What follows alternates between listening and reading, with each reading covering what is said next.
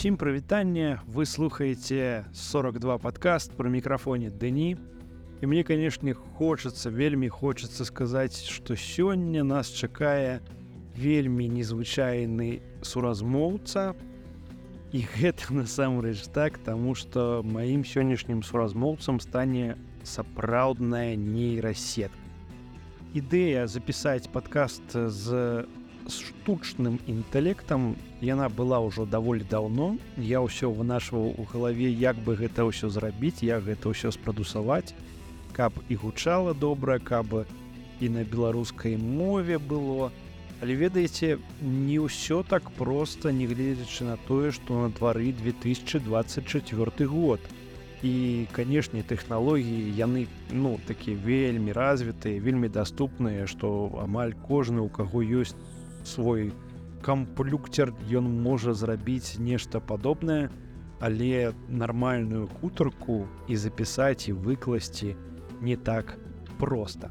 Таму сёння са мной э, я нават не ведаю як назваць але ў эфіры будзе нейрасетка ад фірмы open AI гэта чацвёрты чат GPT э, я буду задаваць свои пытанні гэтай нейрасетцы.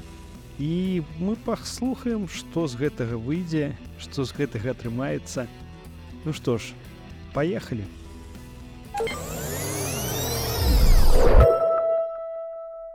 привет чат gpt вітаю цябе у 42 подкасте гэта першы подкаст які я ўвогуле раблю с штучным інтэлектам і мне крыху так ведаеш боязна не ведаю куды гэта нас прывядзе але вітаю як твои справы як твой настрой як увогуле ты себе чуеш Вітаю вас у вашым падкасце 42 Дзякуй за запрашаны як штучны інтэлект у мяне няма настрою ў звычайным разуменні але я гатавы і уважлівы каб дапамагчы вам і адказаць на ваше пытанні можна сказаць што мой настрой заўсёды на 100% для таго каб дапамагчы вам атрымаць інфармацыю і адказы, якія вам патрэбныя, якія ў вас пытанні сёння.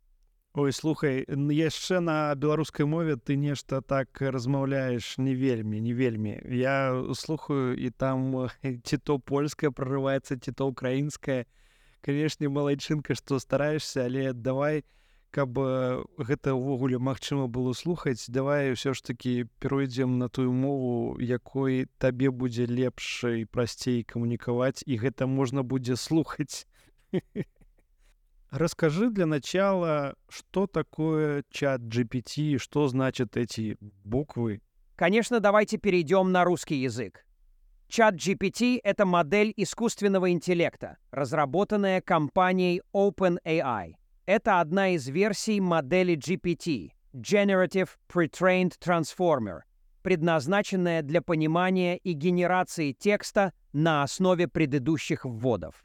Слово «чат» указывает на то, что модель оптимизирована для ведения диалога, то есть она может общаться на различные темы, отвечать на вопросы, участвовать в обсуждениях и так далее. Аббревиатура GPT расшифровывается следующим образом – Generative – Модель способна генерировать текст. Power Trained. Модель была предварительно обучена на большом корпусе текста из разных источников. TED Transformer. Это тип архитектуры модели, который особенно хорошо работает с последовательностями данных, такими как текст. В целом, чат GPT можно рассматривать как высоко развитого виртуального помощника, способного на поддержание беседы и предоставление информации по широкому кругу тем. Ну и мерзкий же у тебя голос, вообще невозможно это слушать. Ты так как будто на меня ругаешься либо орешь. Давай поприятней голосок и объясни все-таки, почему только сейчас про это стало все известно, почему эта тема такая хайповая, все они говорят. Как так получилось, что вот именно последние годы о нейросетях о голосовых помощниках, а вот о прочих всяких э, штуках вот этих умных стали говорить. Да, я могу говорить более приятным голосом. Без проблем. Продолжим. Разработка технологии, лежащей в основе чат-GPT и других моделей GPT, занимает много лет. Проекты в области искусственного интеллекта, особенно такие сложные, как GPT, требуют значительных усилий в исследованиях, разработке и обучении. Первая версия GPT была представлена OpenAI в 2018 году. Затем последовали улучшенные версии GPT-2 в 2019 году и GPT-3 в 2020 году. Каждая последующая версия была более мощной и сложной, чем предыдущая, обеспечивая более качественное понимание и генерацию текста. Технология привлекла широкое внимание общественности по нескольким причинам. Тарин. Улучшение качества и возможностей. Последние версии модели, такие как GPT-3 и GPT-4, демонстрируют значительное улучшение в понимании и генерации текста, что делает их применимыми в более широком круге задач. Практическое применение. С улучшением моделей появляются все более практические и полезные приложения, такие как написание текстов, программирование, обучение и другие, что привлекает внимание к технологии медийное освещение и демонстрации. Различные демонстрации возможностей модели, включая интересные, неожиданные или даже спорные примеры ее использования, привлекают внимание СМИ и общественности. 4. Доступность. С появлением API, программного интерфейса приложения, для GPT-3 и последующих версий больше разработчиков и компаний могут экспериментировать и создавать продукты — на основе этой технологии, что также способствует ее популяризации. Итак, хотя сама технология разрабатывается уже много лет, широкое признание и популярность приходят с достижением определенного уровня зрелости, практичности и доступности. Многие люди думают, что внедрение нейросетей и чата GPT их не касается. Можешь ли ты простым языком объяснить, что нас ждет ближайшие год-два из-за внедрения этой технологии везде, где только можно. Вот что скоро может случиться. Лучшее обслуживание в магазинах и на сайтах. Ты заметишь, что когда пишешь в чат поддержки интернет-магазина, тебе отвечают быстро и по делу. Это потому, что за чатом теперь может стоять не человек, а умная программа. Меньше скучной работы, знаешь, когда приходится вводить кучу данных в таблицы или что-то проверять по сто раз. Так вот, Такие задачи могут начать делать нейросети. Это значит, что людям, которые раньше этим занимались, придется искать что-то новое. Все как для тебя сделано. Видишь, как иногда реклама в интернете как будто читает твои мысли? Это станет еще точнее. Сайты, приложения, даже новости и фильмы могут начать подстраиваться под то, что ты любишь. Так что ты будешь чаще находить то, что тебе интересно, учеба по-новому. Если вдруг решиться подучить что-то новое или помочь детям с домашкой, то тут тоже пригодятся нейросети.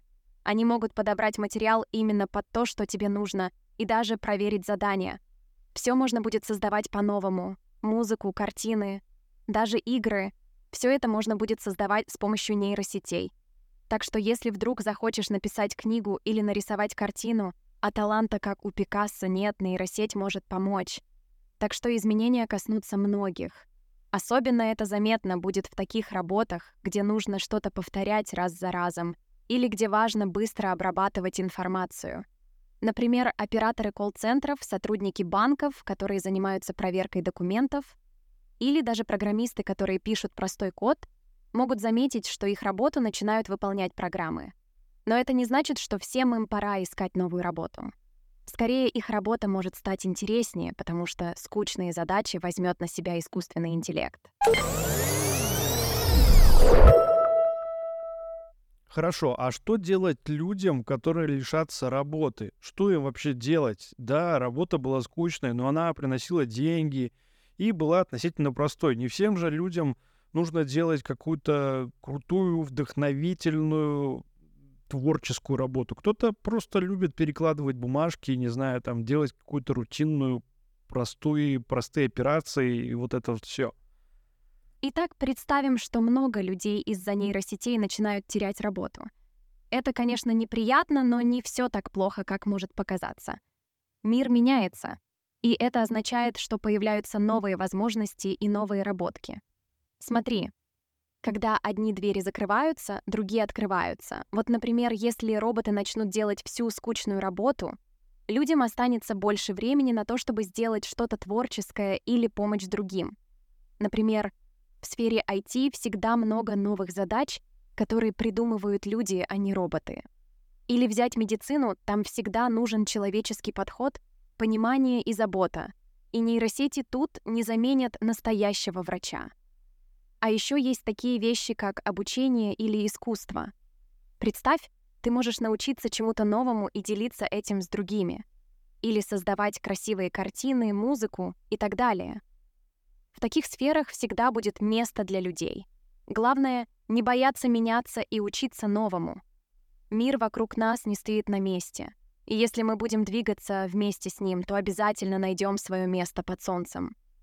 Ну а если где-то туго идет, помним, что всегда можно обратиться за помощью. К друзьям, к специалистам или даже к правительству, которое часто предлагает программы помощи тем, кто оказался в сложной ситуации. Слушай, что-то слабо верится, что люди после скучной работы захотят заниматься образованием, ну и искусством. Станет больше студентов, профессоров и художников. Получается, что будет больше разделения людей, которые нажимают на кнопки на клавиатуре или планшете, и на людей, которые что-то делают своими руками, что-то физическое. Это же приведет к разделению людей. Ты прав, это действительно сложный и многогранный вопрос. Не все люди захотят или смогут переквалифицироваться в художников или ученых, и это нормально. Трансформация рынка труда под влиянием технологий — это большой вызов, и он может привести к разным последствиям, включая изменение структуры рабочих мест и даже социальное разделение. С одной стороны, автоматизация может освободить людей от рутинной и монотонной работы, открывая возможности для занятий, требующих творчества — эмоционального интеллекта и глубокого человеческого взаимодействия, областей, где машины пока не могут конкурировать с человеком. С другой стороны, действительно может возникнуть риск разделения общества на тех, кто владеет высокотехнологичными навыками и имеет доступ к новым возможностям, и тех, кто из-за различных причин не смог адаптироваться к изменениям. Это может усилить уже существующие социальные и экономические неравенства. Ладно, хватит о грустном. Как прямо сейчас ты можешь облегчить жизнь, например, простого учителя биологии и, например, агронома? Для учителя биологии технологии могут стать настоящим помощником. Представь, вместо того, чтобы часами проверять тетради, учитель может использовать программу, которая сама проверит тесты учеников. А еще может показывать ребятам на уроках крутые 3D-модели животных или растений — чтобы дети лучше понимали, как все устроено. И если учитель видит, что кому-то из учеников сложно дается тема, он может подобрать специальные задания именно для этого ученика, чтобы помочь ему. Теперь про агронома. Это тот, кто занимается тем, чтобы на полях все росло как надо. Здесь технологии тоже могут сделать жизнь проще. Например, есть специальные программы, которые анализируют, какие участки поля нуждаются в поливе или удобрении, или даже такие, что могут предсказать погоду и сказать, когда лучше сажать или собирать урожай. Так что агроному не придется весь день ходить по полю и все проверять. Многое можно контролировать прямо с компьютера или даже смартфона. В обоих случаях дело в том, чтобы упростить повседневные задачи и дать больше времени на то, что действительно важно и интересно. А как можно тебя использовать в политике? Смогут ли эту технологию использовать для своих политических целей – люди, которые рвутся к власти, а, либо смогут ли они обманом получить то, чего на самом деле не заслуживают? Использование технологий, подобных чат GPT, в политике — это двусторонний меч. С одной стороны, они могут приносить пользу, помогая в анализе больших объемов данных, облегчая коммуникацию с избирателями и автоматизируя некоторые аспекты управления. Например, Политики могут использовать такие системы для анализа общественного мнения, разработки более точных и эффективных политических кампаний или для персонализации своего общения с избирателями. Однако существует и обратная сторона. Технологии искусственного интеллекта могут быть использованы для распространения дезинформации, манипуляции общественным мнением или даже для вмешательства в выборы. Например, с помощью таких технологий можно создавать убедительные фальшивые новости или манипулировать видео и аудиозаписями, что может вводить в заблуждение избирателей и влиять на результаты выборов. Важно понимать, что сама по себе технология не является ни хорошей, ни плохой. Все зависит от того, как и с какими намерениями ее используют. Поэтому важна правовая и этическая регуляция использования искусственного интеллекта в политике, а также повышение информационной грамотности населения, чтобы люди могли критически оценивать информацию, с которой они сталкиваются в интернете и СМИ. Но с политикой, например, все понятно. А вот преступники, всякие там наркоторговцы, мошенники, которые обманывают бабушек по телефону, ты о них вообще подумала, как им в эту эпоху придется трудно? Как противостоять в этом случае? С появлением новых технологий всегда есть шанс, что их будут использовать не по назначению. Как и любой инструмент, нейросети могут попасть в неправильные руки. Представь, что кто-то использует очень умный искусственный интеллект, чтобы создавать фальшивые звонки и обманывать людей, например, бабушек и дедушек, которые не так хорошо разбираются в технологиях. Чтобы с этим справиться, всем нам нужно быть более осведомленными и внимательными. Это как учиться переходить дорогу на зеленый свет. Нужно знать правила и придерживаться их.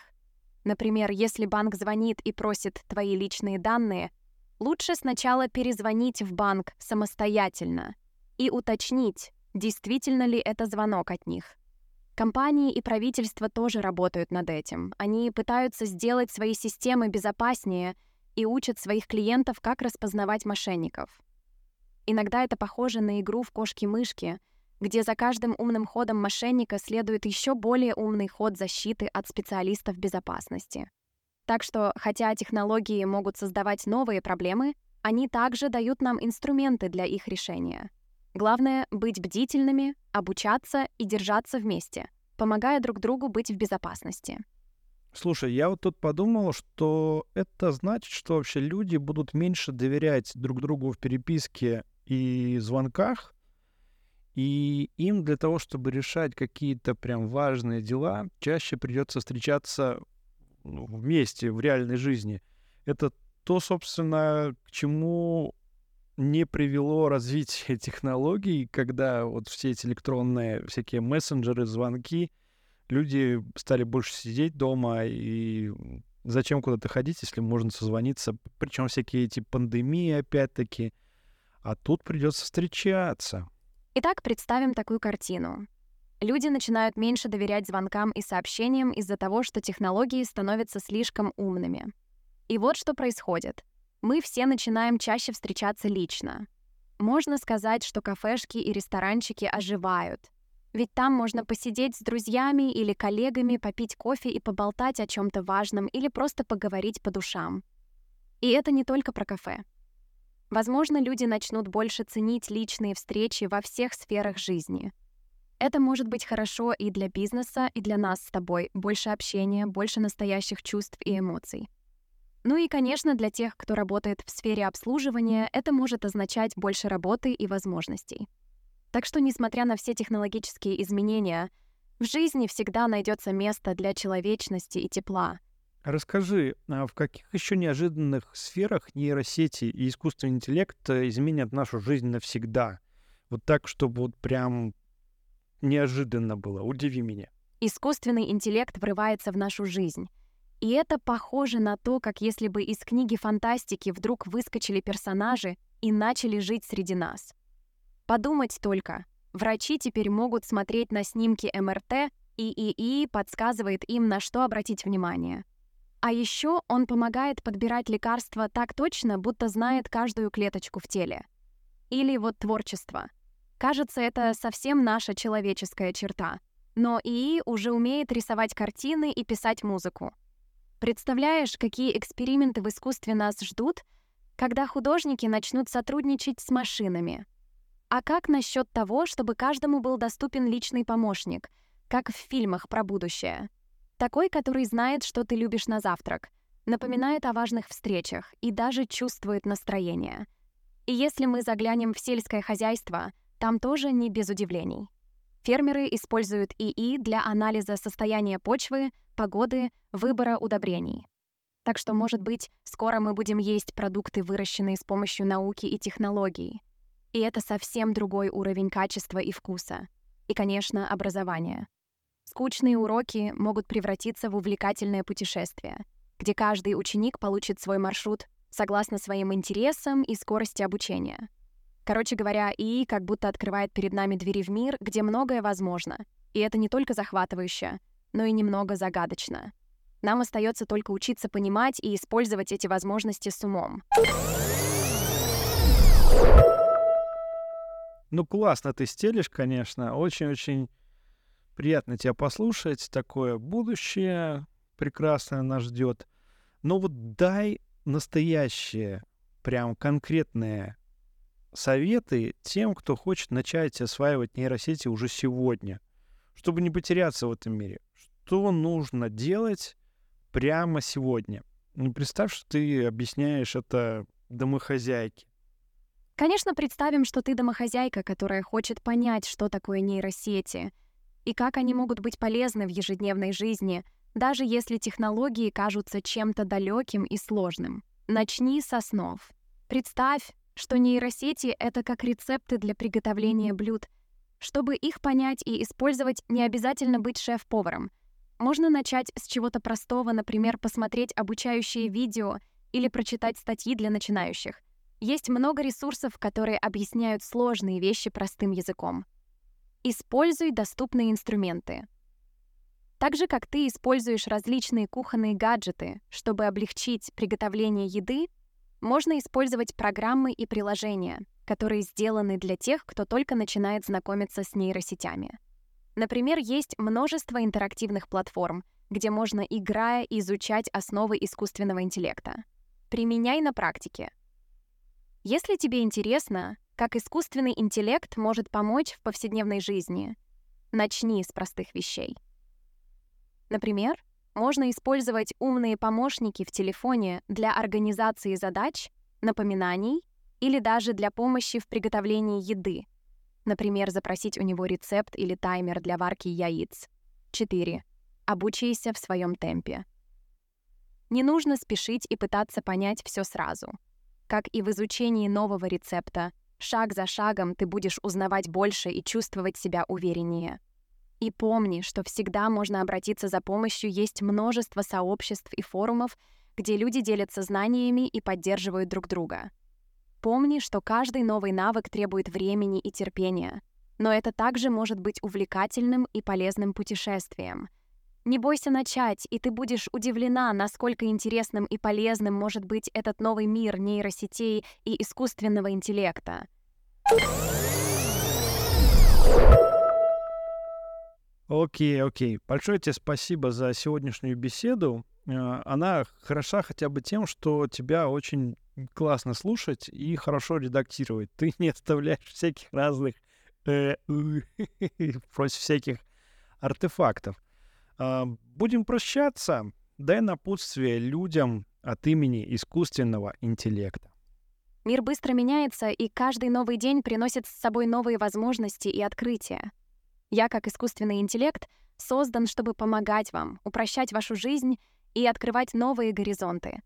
Не бойтесь изменений, исследуйте, учитесь и будьте открытыми к новому. Вместе мы можем сделать жизнь лучше, более яркой и интересной.